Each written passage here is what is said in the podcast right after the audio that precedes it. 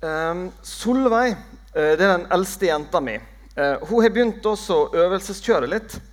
Uh, så jeg og hun vi var ute og, um, og kjørte litt her for noen uker siden. Kunne hun kjøre, så kunne jeg sitte på der og få slappe litt av og se litt rundt på det som var rundt oss. Og da, da la jeg merke til vi, Dette var jo i juli, og vi nærma oss ut mot Ålesund sentrum. Og så lå vi bak en buss. Så kunne jeg satt der, så la jeg først bare stille for meg sjøl det som sto på den bussen. Eh, der sto det at fra og med 22.8 så får alle rutene i Ålesund-området nye nummer. Så tenkte jeg liksom for meg selv, ja, jeg hadde jo hørt dette med at det skulle komme gratis buss. så trengte jeg sikkert flere. Dette blir sikkert bra og spennende, tenkte jeg. Eh, og, så, og, så, leste jeg det høyt, sånn at Solveig hørte det. Uh, og tenker liksom at jeg skal si noe fint. Da. Men før jeg liksom får sagt noe annet enn å bare lest akkurat at alle bussrutene skal få nye nummer, så bryter liksom Solveig ut. Kan ikke det være noen ting som bare kan være sånn som det er, da? For selv om jeg og Solveig er ganske nært i slekta, uh, så har vi to en tendens til å ha litt forskjellig syn på det som er nytt. Eh, sånn er det med oss to. Og jeg tenkte at Kanskje jeg skulle ta en liten sånn eh, meningsmåling her, en håndsopprekning. Eh, kan dere rekke opp hånda, dere som stort sett syns at endring av nye ting er spennende og gøy? Ja, litt. Noen. Og motsatt, da. Dere som helst skulle ønske at ting eh, blir som det er.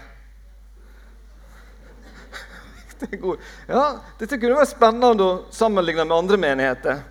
Um, men bra. Um, de fleste ganger i, jeg skal tale i høst, så skal jeg tale ut fra et brev i Nytestamentet, Kolossabrevet. Men i dag så var det en tekst som jeg bare kjente at den må vi ta i dag. Um, jeg tror det er et budskap som Gud har minnet meg på at jeg skal dele med dere. Eh, mot slutten av kongetida i Det andre testamentet så skjer det masse spennende. Eh, jeg opplever stadig at jeg kan lese dette her, og så ser jeg nye ting, oppdager nye ting. Klarer kanskje å se at det, er jo flere bøker i Bibelen som omtaler denne tida, selv om de kanskje ikke står helt sammen.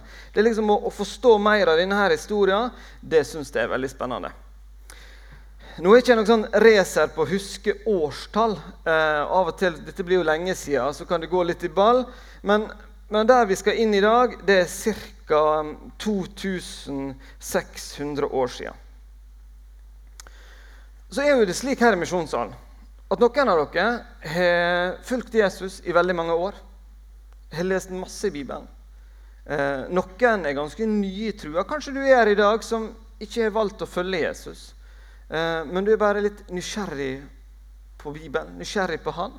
Da er det supert at du er her. Men da blir det kanskje litt sånn her forskjell på hva vi husker og kan om denne historien. Men jeg håper at jeg skal klare å formidle den sånn at dere henger med på det som jeg vil si i dag. Og litt sånn historietime. Eh, Israelsfolket, eh, Guds folk, eh, ble etter hvert delt i to rike. Vi kan se på kartet der. Israel i nord og Juda i sør. Eh, det går dårligst med Nordriket med Israel, som bryter sammen eh, en del tidligere enn Sørriket Juda. Um, han som er sentrum i dagens tale, det er Joshia. Han, han, er en helt spesiell type. Jeg syns han er kjempemodig. Eh, jeg syns han er kul. Eh, han imponerer meg ganske masse. Eh, han er en farfar som heter Manasse. Det er en ganske drøy type. Han gjør mye som gjør Gud sint, som irriterer han. Eh, hvis vi bare leser i andre kongebok, så får vi et, et beksvart bilde av han. Hvis vi leser også i andre krønikerbok, så leser vi om at på slutten av livet hans eh, så gjør han eh, noen bedre ting. Eh, Men, eh, men det er mm, mye dumt han gjør. Eh, Manasseh dør. Når han dør, så overtar sønnen Ammon. Og det står om han dessverre at han gjør bare det som er vondt i Herrens øyne. Lever et liv som gjør Gud sint. Han er ikke interessert i å ydmyke seg for Gud. Ammon får et kort liv. Eh, han er bare konge i to år. Blir konge 22 år gammel og er konge i to år før han blir drept. Og rundt akkurat det er det ganske mye drama. Men så kommer altså vår mann på banen, Joshia. Han var sønn til Ammon, og Joshia var åtte år gammel da han ble konge.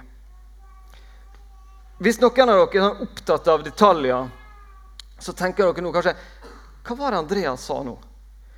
Ammon ble konge da han var 22 år, er konge i to år. Og så tar sønnen Joshia over åtte år gammel. 22 pluss 2 blir 24, minus 8. Da er vi på 16. Så Ammon ble med andre år far til Joshia. Han var bare 16 år gammel. Så dere tiendeklassinger ikke nødvendigvis ha Ammon som forbilde i livet deres.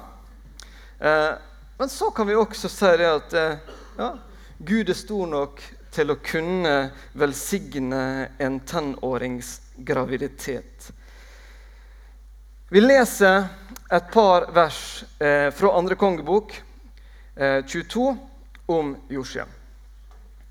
Josia var åtte år gammel da han ble konge, og han regjerte i Jerusalem i 31 år. Hans mor het Jedida og var datter av Adaya fra Boskat. Josia gjorde det som var rett i Herrens øyne. Han fulgte i sin stamfar Davids fotspor i ett og alt, uten å vike av til høyre eller venstre.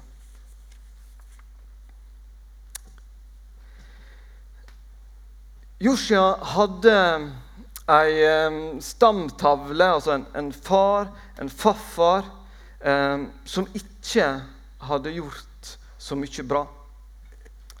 Eh, de hadde gjort mye vondt. Og det var mye historie hans som talte for at han kunne havne i det samme mønsteret. Det var ikke så mye som lå til rette for at han skulle kunne bli en mann som gjorde det som rett var etter Guds øyne. Gjorde gode ting. Han hadde ikke en far som hadde hjulpet han og vist han hvem Gud var. Sånn kan det være i, i våre historier. Men vi sitter jo her en god gjeng her, alle sammen med forskjellige historier. Kanskje er det noe i de historier som du ikke å, å snakke så mye om, ønsker å løfte fram. Um, noen ting som på ingen måte er bra. Og det kan prege oss. Men vi skal ta med oss fra denne historien at det er mulig å ta egne, riktige valg om de før oss har gjort det som galt var. Vi kan bryte med det som har skjedd før. På det her så er Bibelen veldig ærlig. Og det er noe av det som er fint med å lese disse historiene. Um, flinkere til å være ærlig kanskje enn vi er. Det skal vi ta med oss. Så skal vi hoppe til andre krøniker 34. For det forteller mye av den samme historien, men så sier det litt mer. I sitt åttende regjeringsår, da han ennå var ung, begynte han å søke sin stamfar Davids Gud. Og I det tolvte året begynte han å rense Juda og Jerusalem for offerhauger og asjerastolper og for utskårne, og støpte gudebildet. 16 år gammel så skjer det noe. Begynner å søke Gud. Ungdommer kan søke Gud, og dette kan få flotte konsekvenser for livet vårt, for livet deres. Jeg er nødt til å bare benytte anledningen til å fortelle at på mandagskvelden så var jeg inne i andre enden her. Da hadde vi informasjonsmøte for de som skal bli konfirmanter. Eh, 14 da, så er det skjedd litt i løpet av uka, så nå har vi 15 konfirmanter som skal gå og få mye spennende undervisning i misjonssalen dette året. Det er bare utrolig flott. Det er fint at de er 15, men, men måte, hvis du ser disse her ungdommene med, så er det så flott å skulle få lov til å, å være med i deres liv. Være med og få lov til å peke på Jesus for dem. Um, det er veldig flott. Og ikke bare disse konfirmantene med. Vi har mange unge her i misjonssalen som vi er utrolig takknemlige for å ha her. Um, og Noen av dere er rundt 20 år. Da viser faktisk statistikken at det er noe av den vanskeligste perioden i livet vårt uh, å liksom holde fast på trua. Det er noen tøffe år der rundt 20 år. Men så kan vi lære av denne her historien her at vi kan søke Gud. Og så sier Bibelen at hvis vi ønsker å gjøre det, så er Han lova å la seg finne. Tilbake til eh, andre kongebok. Har du revet i sønt klærne dine noen gang? Og Da tenker jeg ikke på eh, at du ramla på sykkel eller at du kom bort i en spiker. eller et eller annet, Men har du, du revet i sønt klærne dine fordi at du ble sint? Fordi at du kjente at var, det bobla såpass innvendig? Jeg tipper at det er noen her som kjennes igjen at de, om ikke øla klær, så knuste de noe, et eller annet som eh, føk veggimellom en gang vi ble sint. Eh, det skjer. Det skjer med oss voksne. Og så skjer det kanskje typisk for en 16-åring som Joshia. Um, vi leste i teksten i stad her at det skjedde noe med Joshia når han søkte Gud, begynte å finne han. Um, han begynte å rive ned offerplasser, av Guds stolper. Um, det begynte å, å, på en måte få konsekvenser for Judariket, det han hadde fått lov til å oppleve. Og Så skjer det at han begynner å restaurere tempelet. Det hadde stått ganske dårlig til med tempelet en del år. Han beordrer at det nå skal bli bedre. Og I den prosessen så skjer det noe kjempespennende. Øverstepresten finner da en bokrull. Han finner ei lovbok. Han finner det som Så mye som vi hadde av Bibelen den gangen, det finner øverstepresten. Og det sier kanskje noe om hvor dårlig det sto til da, når de ikke visste hvor de hadde Bibelen. Eller det de hadde av Bibelen. Men det finner han. Så får han det levert til Joshia, og så blir det opplest for Joshia. Og og når dette blir opprettet for han, han forstår hva han har gått glipp av, hva de ikke har brydd seg om, da blir han så sint at han river klærne sine i stykker. Vi skal lese noe av det som ble opplest for Josia der. Det har vi fra 5. Mosebok 17. Når kongen har satt seg på tronen, skal han få laget en bokrull med en kopi av denne loven skrevet av etter levittprestene. Han skal ha den hos seg og lese i den så lenge han lever, slik at han kan lære å frykte Herren sin Gud. Og han skal holde fast på hvert ord i denne loven og alle disse forskriftene og leve etter dem, så han ikke i sitt hjerte setter seg høyere enn landsmennene sine og ikke viker av fra budet, verken til høyre eller venstre. Da skal han og hans etterkommere ha kongsmakten i Israel i lange tider. Klart Dette her var heavy stoff for han å lese. Han kunne historia, han visste hva som hadde skjedd. Riket hadde blitt delt. Alle disse her forfedrene som hadde gjort det som vondt var. Skjønte jo Det var jo fordi at de ikke hadde gjort som her sto. De visste ikke hvor denne bokrullen var. De hadde ikke hatt den der med tronen. De hadde ikke lest i han. De hadde ikke brydd seg om det. Og så nå forstår han hvorfor. Så setter han i gang en veldig prosess med å fjerne mer av denne avgudsdyrkinga. Får i stand tempelet, får ordna til det. Det står at det, det er aldri tidligere i Israel vært ei påskefeiring som det ble etter at han oppdaga finne ut dette her og, og få liksom ting eh, i rett gjeng igjen. Han fjerna det som ingen andre hadde turt å fjerne, det som hadde vært der fra Salomo sin tid. Og I andre kongebok så står det noe som, som jeg tenker gir håp. Det står ingen hadde på den måten vendt om til Herren av hele sitt hjerte og av hele sin sjel og av all sin makt.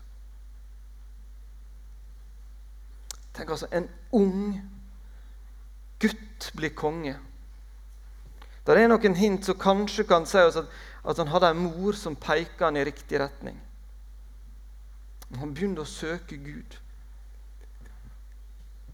Og så skjer alt dette her. Så får du altså en mann som vender mer om fra det vonde enn noen andre har gjort.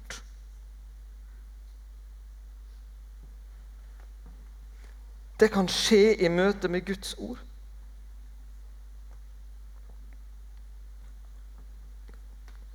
Hva er det jeg holder her? Hva er det her for noe? Er det bare ei bok? Er det bare ei historie? Noe vi kan lese? Jeg sier faktisk at det er Guds ord. At det her som jeg holder her, det, det er levende. Det virker. At, at Gud han kan åpenbare seg for meg og deg gjennom det som står i denne boka her. Det er enorm kraft, det her. Det er så mye mer enn ei bok. Og hva gjør vi med det?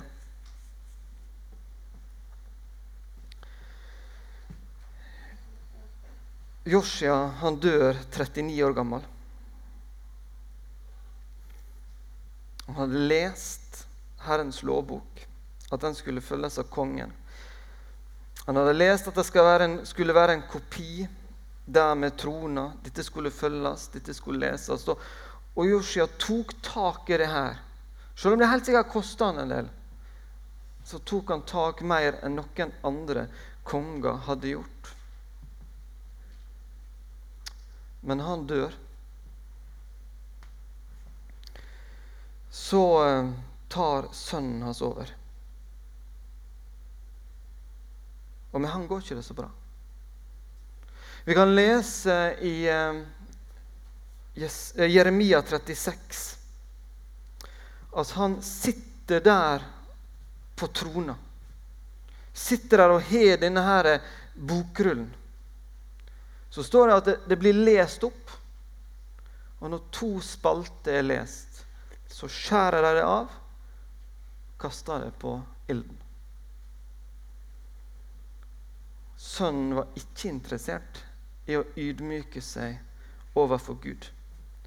Han var stolt. Han ville styre dette riket sjøl. Hva gjør vi i møte med Guds ord?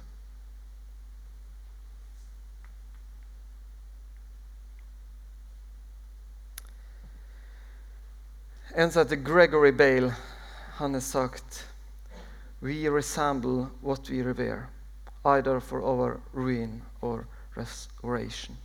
restoration. Det betyr nok sånn som vi blir det vi verdsetter. Og det vi gir oppmerksomhet, enten til vår ødeleggelse eller oppbygging, Altså Enten så bryter det oss ned, eller så bygger det oss opp. Hva er det vi verdsetter i livet vårt? Hva er det vi gir oppmerksomhet i livet vårt? Hva skal få fokuset i våre liv?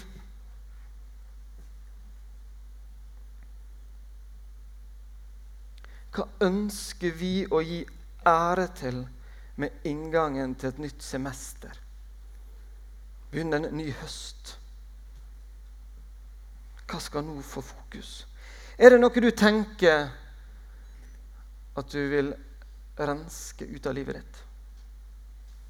Noe som nå bør få lov til å forsvinne? Er det noe du kanskje vil nå gi plass i livet ditt?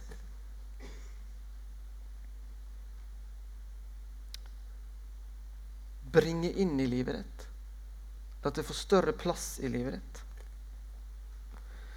Et forslag kan være å ta denne Bibelen og legge den på et sentralt plass i stua di.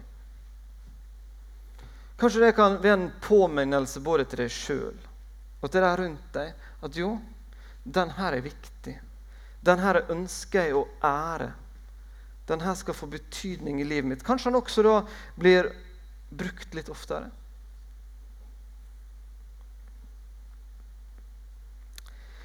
Jeg har lyst til å utfordre dere litt.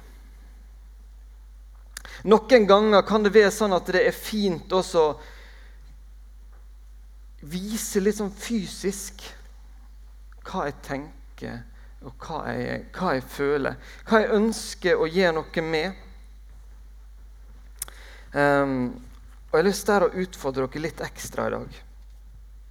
Kanskje ønsker du en forandring. Eh, vi skal øyeblikk nå synge, sangen, synge sammen sangen 'Vi vil gi deg ære'. Ønsker du også å reise deg under den sangen og bare si til deg sjøl Gud, i dag så rørte du meg. I dag så tror jeg det var noe du sa til meg. 'Dette her ønsker jeg å gi deg ære.' Så syns jeg du skal gjøre det. Kjenner du at det er mer naturlig for deg også å finne en plass å gå ned på kne?